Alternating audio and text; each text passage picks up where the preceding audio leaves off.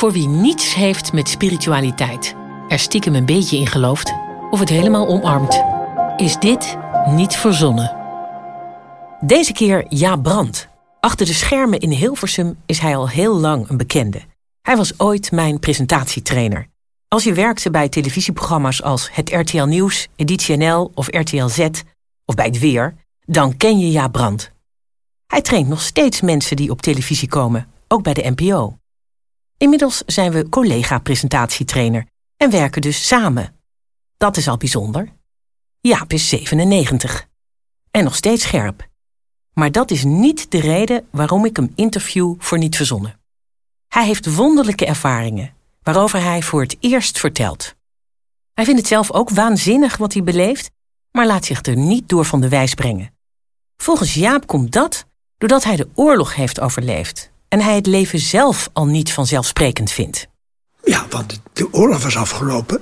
Bij de verovering van onze straat waren er acht soldaten dood in de straat. Huizen stonden in brand. Dit wat er overbleef, ik leef. Allemachtig hoe is mogelijk. Nou, dus de eerste tien jaar van mijn leven heb ik alleen maar geflierenfluiterd. Hm. Allerlei dingen gedaan. Dat vlierenfluiten dat stopte toen hij serieus bij radio en televisie ging werken. Hij werd eerst omroeper bij de VARA en veel later presentatietrainer. Het vreemde was dat hij helemaal niets had met radio en ook niet met tv. Ik was absoluut niet geïnteresseerd in radio of televisie. Helemaal nul. In de jaren 50, want daar hebben we het over, waren er al wel twee televisiezenders. Hilversum 1 en Hilversum 2. Jaap thuis stond wel een radio en ook een televisie, maar hij deed hem nooit aan. Vreemd genoeg is hij toch de presentatiespecialist geworden. En dat hij nu nog steeds televisiepresentatoren traint op zijn 97ste, had hij zelf nooit kunnen voorspellen. Andere dingen wel, en daarom zit hij in Niet Verzonnen. Jaap heeft een moment gehad in zijn leven dat hij iets wist wat hij niet kon weten. Een moment dat hij iets zag wat hij niet kon zien, juist toen zijn ogen waren afgedekt, vanwege een oogoperatie. Dat gebeurde in het ziekenhuis. Ja, nou, dat vind ik zelf ook waanzinnig. Dus ik werd opgenomen in het ziekenhuis in Utrecht. En ik kreeg meteen een blinddoek voor, omdat ik helemaal niet, niet, niet zien. Goed, je mag op één zij liggen, heel rustig. Maar wat was er met je ogen? Een schisis heet dat. Dus een loslating van, het, uh, van iets in het oog. Het liet los. Nou, dat moest weer gerepareerd worden, geopereerd worden. Dus ik heb geweldig geboft dat het. Uh, de helft van één oog zie ik de binnenkant van mijn neus dan niet. Dus als ik dit doe, zie ik de binnenkant van mijn neus niet. Van geen betekenis dus, voor het kijken. Nou, maar goed, ik lag daar zo en ik moest doodstil liggen en ik werd gevoerd door een uh, verpleegster. En op een gegeven moment zeg ik tegen haar, vindt u het eigenlijk weer beschrijf? Die heb u dus nog nooit gezien, die vrouw. Dat kon eenvoudig niet. Dus, ja, zij vindt dat wel leuk, toe maar. Dus ik vertel, nou, je bent tamelijk groot. 1,75 meter ongeveer. Je hebt een bril op en je hebt uh, krulloos haar. En dat is ongeveer lang tot aan je, aan je schouders ongeveer. En je hebt thuis een broertje of een zusje, dat weet ik niet, die niet in orde is en die jij verzorgt. Nou, zij liet het bord vallen. Dus klopte allemaal. Ja, waarom ik dat zag, weet ik dus ook niet. Maar dat kun je niet weten. Nee, dat is dus, daarom geloof ik in bepaalde dingen wel. Maar dat is niet op, op, oproepbaar, maar het gebeurde wel. Toen kwam er bij mijn buurman, die in bed lag, kwam zijn vrouw. Die kon ik dus ook niet zien. En toen uh, zei ik op een gegeven moment. Dus ik lag met mijn hoofd van de afgebend. Ik kon er ook dus onmogelijk, helemaal, zelfs als ik over een keer niet, niet zien. Toen zei ik, u hebt uh, lekkere wandelschoenen aan. En zo'n rok met een grote speld erin, zo'n Schotse rok. En thuis mag uw man niet roken, maar dan worden de gordijnen vuil. Ik herinner me nog precies, dat zei ik. En dat klopte. Maar wat deed dat met jou, dat jij dat zo stellig kon zeggen? Vond het grappig. je vond het alleen maar grappig? Ja. Goh, klopt het ook nog, wat interessant. En vond je het ook niet een beetje eng? Dat Helemaal niet. Niet? Nee. Het voelde gewoon goed? Ja. Ik bedoel, ja, dat gebeurt het blijkbaar, weet ik veel. Je had je daar niet over verwonderd ook? Ja, verwonderde wel. Goh, wat grappig dat het klopt. Maar verder, nee, nee. Want je probeerde maar iets en het klopte. Nee, probeerde, ik zei het gewoon. Het was helemaal niet, ik zal eens even wat zeggen. Nee, ik zei het gewoon. En waarom, dat weet ik niet. Maar goed, dat soort verhalen, als je dat soort verhalen wil weten, heb ik er nog wel een paar. Gelukkig maar, en die gaan we zo horen. Nu eerst de reactie van Stef Aupers. Hij is cultuursocioloog en hoogleraar in Leuven. Hij is de grootste criticaster die je kon vinden op het gebied van verhalen in het spirituele Kijk, domein. Het is mira miraculeus, maar het is ook wel binnen de parameters van wetenschap. Weet je wel, er zijn zo ongelooflijk veel uh, ja, neurobiologische uh, verschijnselen. Lees bijvoorbeeld dat werk van Oliver Sacks of zo, weet je wel, die, die over dit soort verschijnselen heeft geschreven. Dat, dat, eh, maar dan andersom, hè, dus ik bedoel, iemand die, die, uh, die denkt dat zijn vrouw een hoed is. Bedoel, dat is iets wat we dan gek vinden en raar vinden, want het past niet in onze werkelijkheidsbeeld. Maar het geeft wel aan dat onze zintuigen uh, zo complex zijn en zo ontregeld kunnen worden ja, dat er wel hele vreemde dingen kunnen gebeuren. Hè? Uh, dus, maar goed, dat verklaart natuurlijk niet anders. Of fantoompijnen, weet je wel. Een, een been wat er niet is, maar je voelt het nog wel. Uh, ja, dat, dat, dat, dat plaats je snel dan in een metafysisch spiritueel kader. Maar er zijn, ja, dat zijn dingen die we nog niet weten. En zintuigen zijn gek, hè? Ik bedoel, het is natuurlijk ook met drugsgebruik. Op het moment dat je LSD gebruikt of paddenstoelen gebruikt. Ja, dan ga je muziek zien. Of je gaat hè, dingen die je anders zou zien, kun je opeens ruiken. Er zijn hele rare. Uh, uh, ja, dan kun je inderdaad praten over een zesde zintuig. Op het moment dat die zintuigen hele rare verbanden aangaan. Maar goed, dit verklaart niet alles. Maar we weten nog niet alles. En dat is ook belangrijk. Hè? Ik bedoel. Want dat is het. Ik bedoel, dat is natuurlijk ook de kritiek op de, de, de, de, de hard-nosed positivisten, de wetenschappers die zeggen: maar dat klopt niet, want het is niet wetenschappelijk. Dat is niet waar. Als je een goede wetenschapper bent, dan weet je wat je wel weet, maar dan moet je zwijgen over wat je niet weet. en dat is wel waar de critici vaak over de scheef gaan. Dit soort verschijnselen, die hebben misschien gewoon een neurobiologische of fysische oorzaak. Maar we weten gewoon nog niet hoe het werkt. Net zo min als dat we weten hoe het universum in elkaar zit. Op allerlei vlakken, hoe ver we ook zijn. En als je dat niet doet, uh, rekening mee houden dat we een heleboel dingen niet weten, vind ik ben je ook een slechte wetenschapper. Het is, er is misschien een goede wetenschappelijke verklaring voor die ervaringen die we spiritueel noemen. Dat kan ook nog. Ik ben ook heel benieuwd naar de reactie van Alex Klein op het verhaal van Ja Brand. Alex Klein, de dokter in de bedrijfskunde, die sinds zijn coming out ook energetisch healer is. Alles is energie. En energie uh, voel je, uh, ruik je, hoor je, zie je. Je hebt een aantal zintuigen. Ogen, oren, dus luisteren, dus zien, dus proeven enzovoort. Dat is heel gewoon. Maar misschien heb je ook nog iets wat daar buiten zit. Dus helder voelen, helder zien, helder. En ik heb het vermoeden dat bij Jaap er sprake was van helder voelen. Of helder zien. Dat hij dus even helderziend was. Dus dat hij in staat was om te zien welke energie aan de zuster zat. Want even dacht ik, het is misschien een out-of-body experience. Hè? Dus dat hij buiten zijn eigen lijf was. En dus vanuit uh, de hoek van de kamer kon zien en zo. Maar dan had hij niet kunnen zien wat er thuis speelde. Dat er een, een broer of een zoon was die niet uh, goed was. En dat, dat, dat kun je niet zien als je in de kamer hangt. Dus de energie van de zuster en de energie van de vrouw van de mede-ziekenhuisgenoot kon hij lezen uh, met zijn oog dicht. Dus het is een vorm van helderziendheid. Terwijl hij letterlijk op dat moment niet zag. Daarom heet het ook helderziendheid. Ja. Is het waar dat als je een zintuig eventjes niet kunt gebruiken, dat een ander zintuig het overneemt? En heeft dat daar iets mee te maken in dit geval?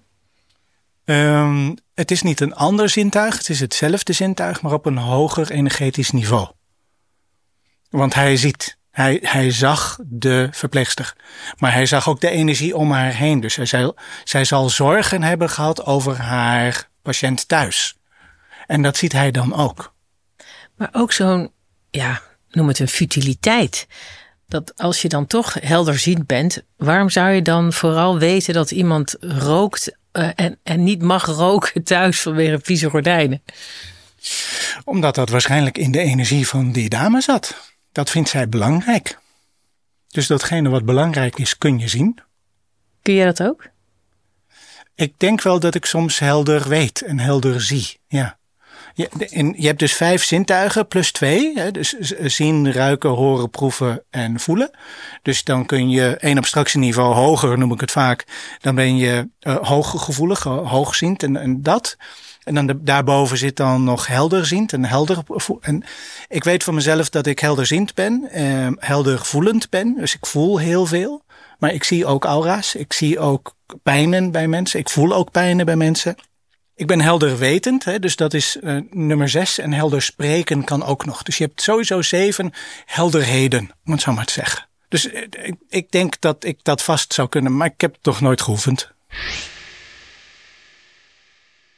De meeste verhalen die je niet verzonnen worden verteld, blijven onbekend bij psychiaters. Sterker nog, misschien zijn psychiaters of zelfs huisartsen wel de laatste die dit soort wonderlijke ervaringen te horen krijgen. Logisch, want iemand als Jaap heeft sowieso nergens last van. En wat ook een argument is, psychiaters denken misschien dat er iets mis met je is. Dat je medicijnen nodig hebt of praattherapie. Er is ook nog een taboe en dan krijg je zelfcensuur. Annemiek Dols is psychiater, gespecialiseerd in bipolariteit en onderzoeker neuroscience. Zij denkt dat het abnormale misschien normaal is en dat er veel meer onderzocht moet worden. Ook denkt ze dat mensen eenzaam worden als ze hun verhalen niet kunnen delen uit angst een label te krijgen. Ze luistert met wetenschappelijke interesse en met verwondering naar Jaap Dit lijken nou die paranormale gaves. Ik, ik kan het echt niet verklaren. Nee. Ja, het is echt intrigerend hoe dat kan. Nee, ik kan hier ook niet van. Ja, soms heb je zo'n sterke wens of verlangen dat je het bijna gaat zien en horen terwijl het er niet is. Hè? Maar, maar dat is dit niet. Dus ik kan het ook niet psychisch verklaren. Ook als psychiater kun je hier niets mee? nee, dit lijkt zo willekeurig. Gewoon invallen. Uh, dingen zien of weten die nog staan te gebeuren of die je niet gezien kan hebben. Ja, dat kan ik niet verklaren.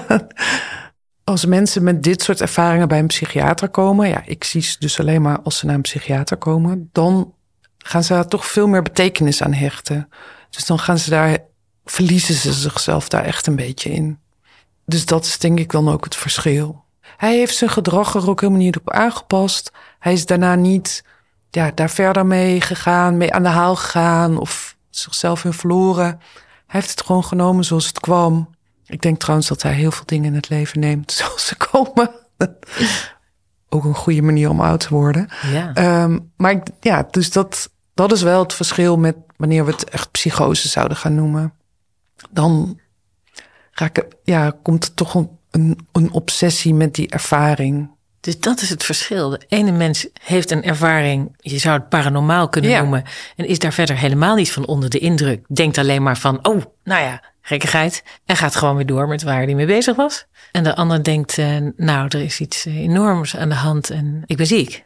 Ja, ik denk niet dat mensen van zichzelf denken dat ze ziek zijn, maar ik denk dat ze er dan zo door overgenomen worden dat het hun hele doen en laten gaat beïnvloeden. Ja, dus ik denk dat als je je dan gaat isoleren, hè, dus je trekt je terug, je gaat niet meer aan andere mensen vertellen wat je, wat je denkt, wat je voelt, wat je meemaakt, dan wordt dat natuurlijk steeds groter in je leven en je, je raakt echt disconnected van, van je omgeving en dat maakt je gewoon heel kwetsbaar om nog meer echt psychische klachten erbij te ontwikkelen. Dus ik, ik denk dat het heel goed zou zijn als mensen ervaringen hebben om dat juist te delen. We, we weten ook het meer vanuit de psychiatrie dat, dat als mensen bijvoorbeeld stemmen horen. Ja, natuurlijk waren wij gewend om dat met medicatie te behandelen, maar dat gaat vaak niet weg. En nu zijn we veel meer geneigd om mensen ook snel cognitieve gedragstherapie aan te bieden om om te gaan met die stemmen horen zijn, ze, zijn ze goed en zijn ze betekenisvol, dan mogen ze misschien ook gewoon blijven, maar dan niet de hele dag door. Dus kun je, kun je het wat meer. Snap je? Dus dat is een andere manier van daarnaar kijken. Maar ik denk sommige mensen het ook heel ja, betekenisvol en mooi vinden. En dat ze er gelukkig bij zijn. En die vertellen daar denk ik ook niet zo snel over. Ja, terwijl het toch best veel voorkomt. Ik denk dat dat, dat blijkt uit onderzoeken dat echt wel 10% van de Nederlanders dingen meemaakt die ze niet kunnen verklaren. Dingen horen, zien, uh, die anderen op dat moment niet kunnen horen of zien.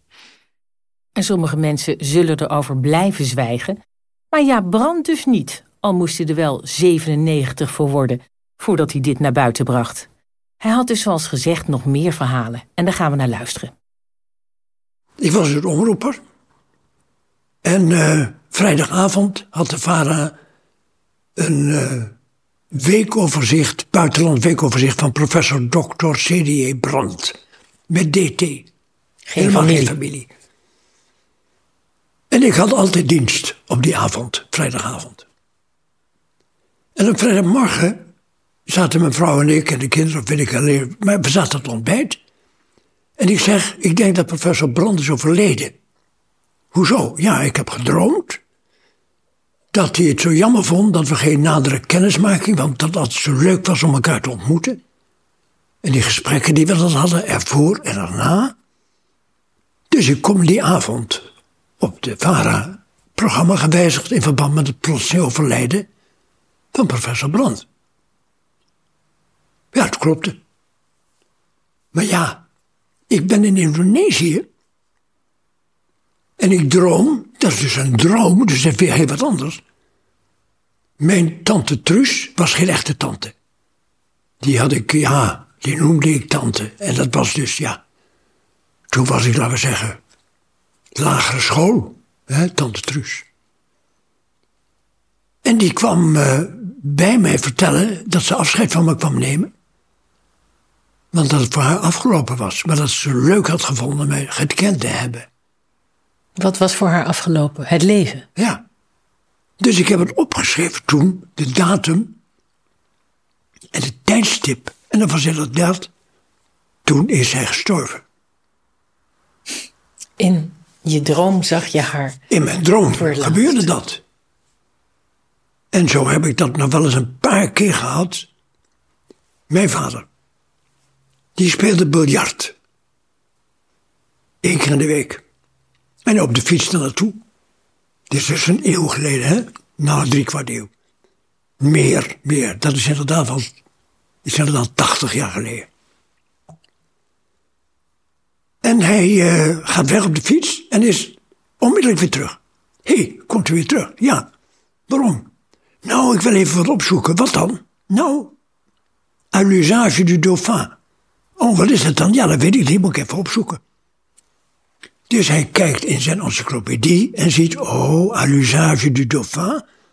Dat betekent dat de mensen om de opvolger, de troonopvolger in Frankrijk, die moesten beslissen wat mocht de opvolger lezen. En dat heette à l'usage du dauphin.